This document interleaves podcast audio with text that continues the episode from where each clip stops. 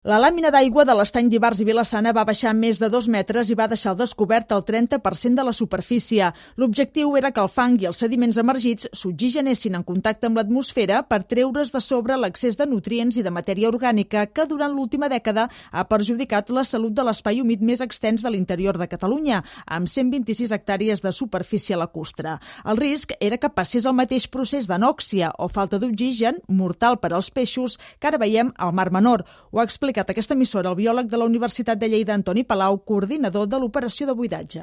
Aquí hi havia un risc permanent de que passés una situació semblant i, de fet, el sediment que vam eh, poder observar quan es va buidar l'estany estava negre eh? i quan el sediment està negre és un indicador de que té molta càrrega de matèria orgànica i, i que és anòxic.